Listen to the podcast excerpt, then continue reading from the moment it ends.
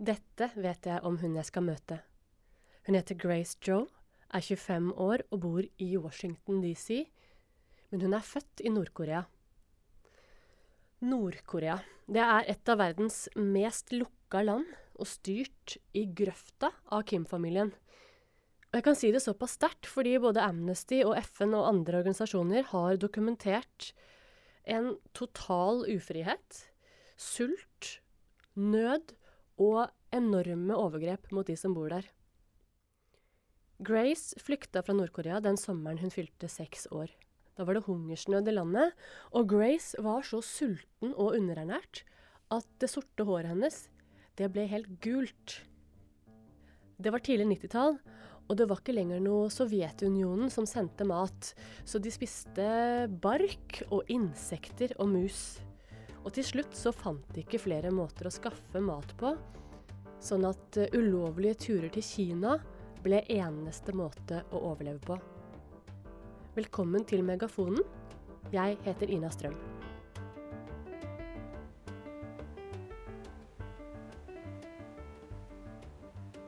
Avtalen er at jeg skal stå ved fontenen i Spikersuppa klokka halv ti om morgenen.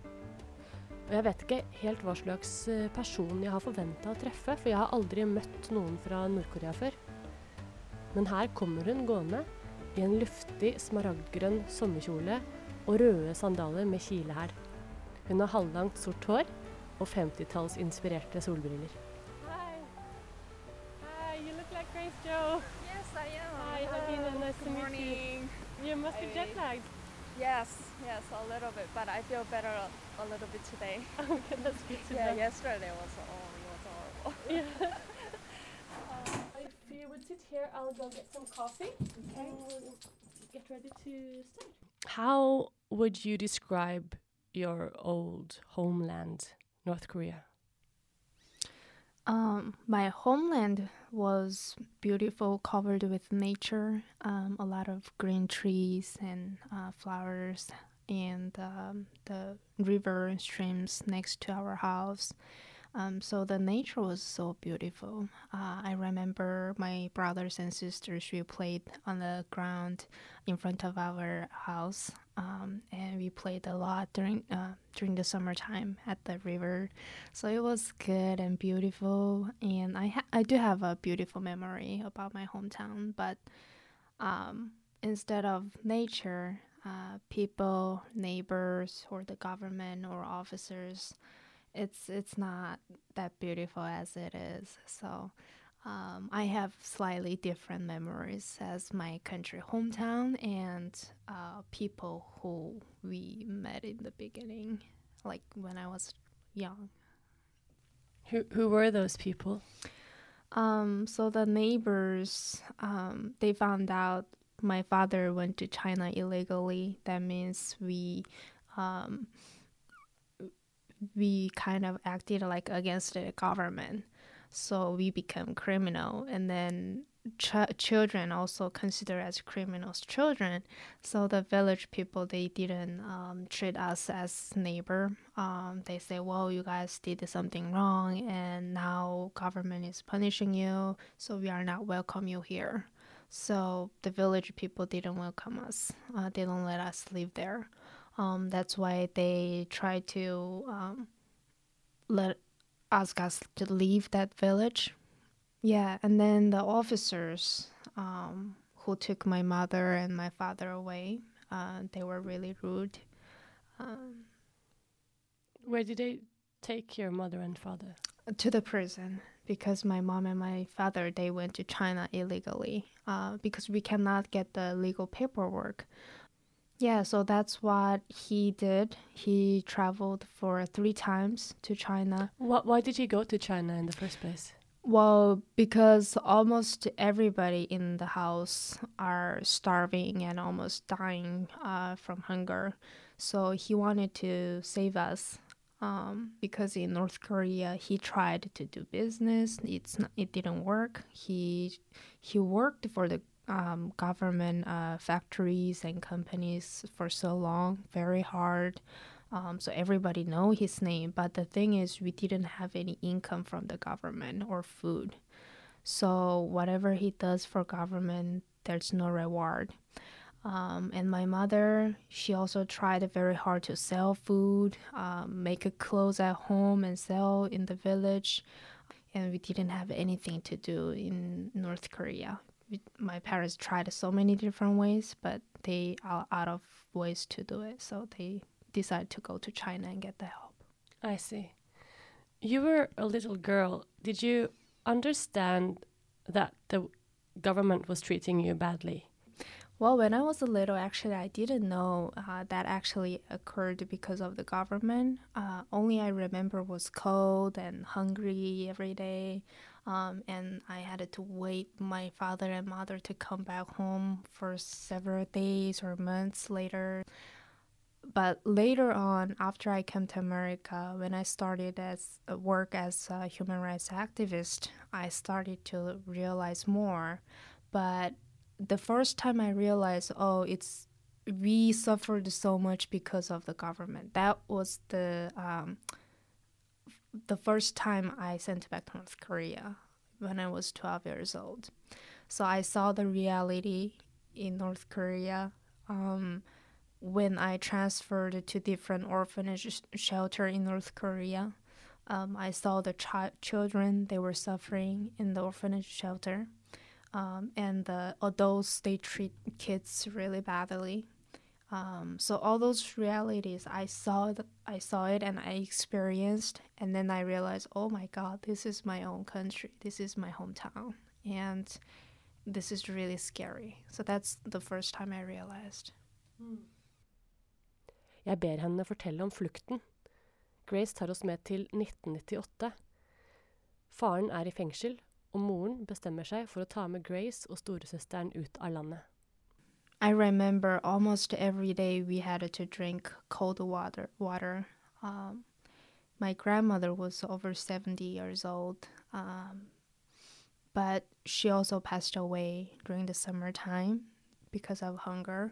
Um, and my younger brothers, uh, my youngest brother, he died after uh, when he was two months old. My sister Jinhye, um, who is the remaining sister right now, uh, she and my grandmother tried very hard to save him, but after two months we didn't have any food and he died um, at the end. Um, and my oldest sister, when she saw my mom is delivering the baby and we didn't have any food left at home, so she left the house for looking looking for the food.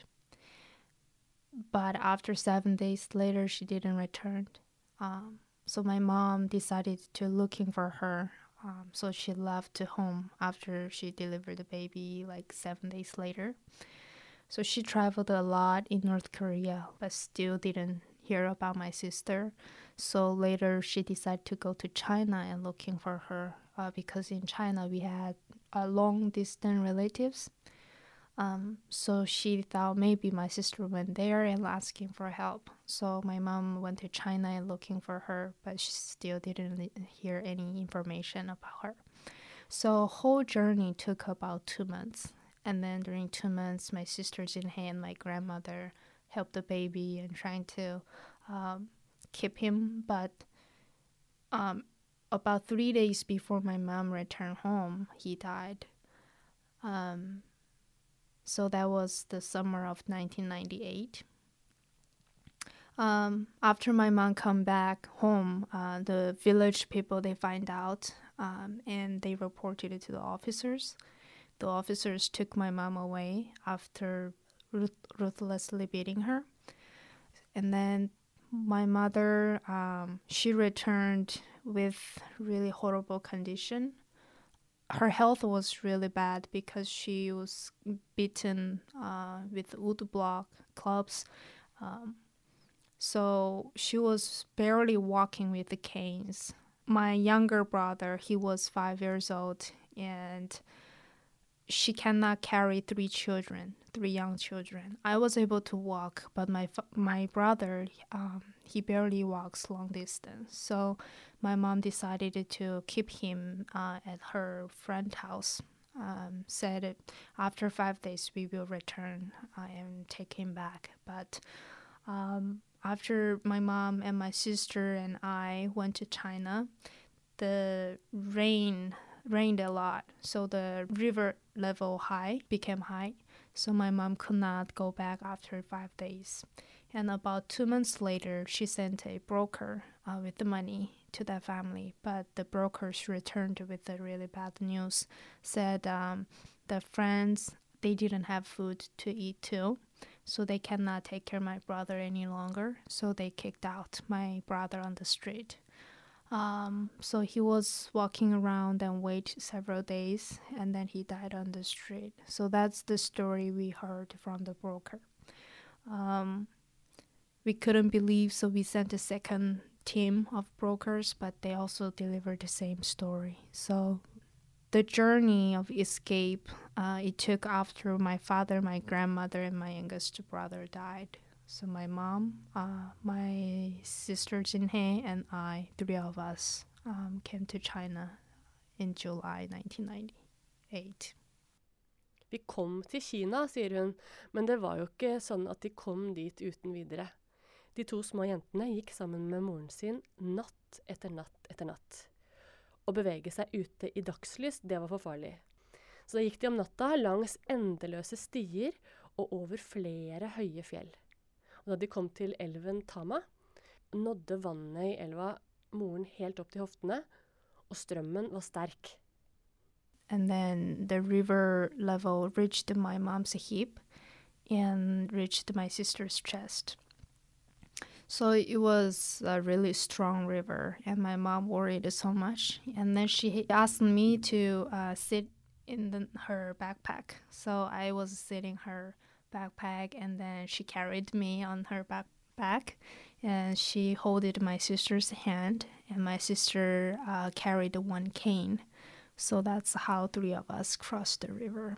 So sw- swim, cross, yeah.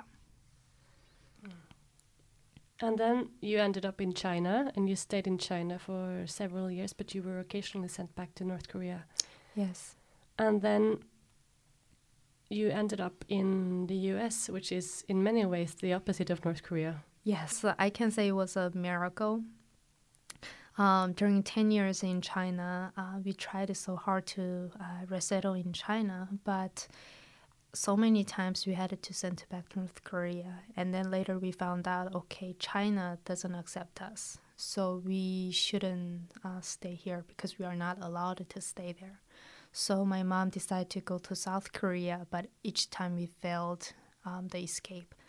Um, but back in 2005, uh, we tried to, um, well, 2004, I have to go back to 2004. Uh, when George W. Bush signed the North Korean Human Rights Act in 2004, uh, there's a lot of newspaper came out. And then the Korean missionary, uh, Pastor John Yun, he brought one Korean pa- uh, newspaper with, with him to China and then showed that newspaper to my mom and say, well, here is the news about American policy. Now they uh, they say they will accept North Koreans as refugees. And then when my mom see that newspaper, she changed her decision. She doesn't want to go to South Korea. Uh, she want to come to America. So that time, Pastor Yoon explained that, well, the law just signed. It doesn't mean you can go to America right now. Are you still want to go to America instead of South Korea? Because if you want to go to South Korea, you can depart tomorrow. So it was really difficult uh, decision uh, my mom made at the time. But she said, nope, I don't want to go to South Korea. I want to go to America. So that's the way she changed the decision and how we can come to America. Pastor Yun, han som kom med avisutklippene om at USA skulle ta imot flyktninger fra Nord-Korea, han er en av heltene i denne historien. Han har som en slags livsmisjon at han skal hjelpe nordkoreanere ut av landet. Og Grace og søsteren og moren de begynner å hjelpe ham med dette. Det er risikabel business, for å si det mildt, for i Kina finnes det folk som er spesialtrente i å finne nordkoreanske rømlinger.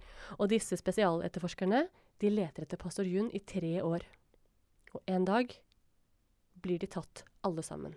Og de blir dømt til 15 måneder i fengsel. Når de kommer ut igjen fra fengselet, så blir pastor Jun sendt tilbake til USA, og Grace og moren og søsteren tilbake til Nord-Korea. Da tror de at det er slutten. For ikke bare har de reist ulovlig til Kina, men de er kristne, og de har bånd til denne koreansk-amerikanske eh, pastor Jun, og de har hjulpet til med å redde grupper ut av Nord-Korea. Men uten at de vet det, så har pastor Jun drevet en pengeinnsamling på deres vegne, sånn at han kan bestikke grensevaktene med 10 000 amerikanske dollar når Grace, moren og søsteren, blir sendt tilbake til Nord-Korea. Og takket være den pengesummen blir papirene til Grace og moren og søsteren endra, sånn at alle detaljer om hva de har gjort i Kina, blir sporløst borte fra de offentlige arkivene. Så da får de anledningen til å rømme på nytt til Kina, og kommer til slutt til USA gjennom FN-systemet. What kind of welcoming did you get in, in the US?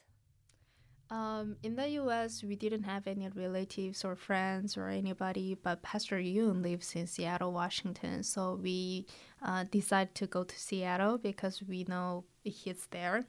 Um, so he and um, his church pastors and family members, they welcomed us really, really warm and um, welcomed us just like uh, another family uh, welcomed us. So it was really sweet and nice, um, nice day. Yeah. And now you are. What do you do these days? Um, these days I live in um, near Washington D.C. and I work. I have other job for living. I work as dental assistant, um, and I do attend college too. But the meaningful job I do is work for human rights. Um,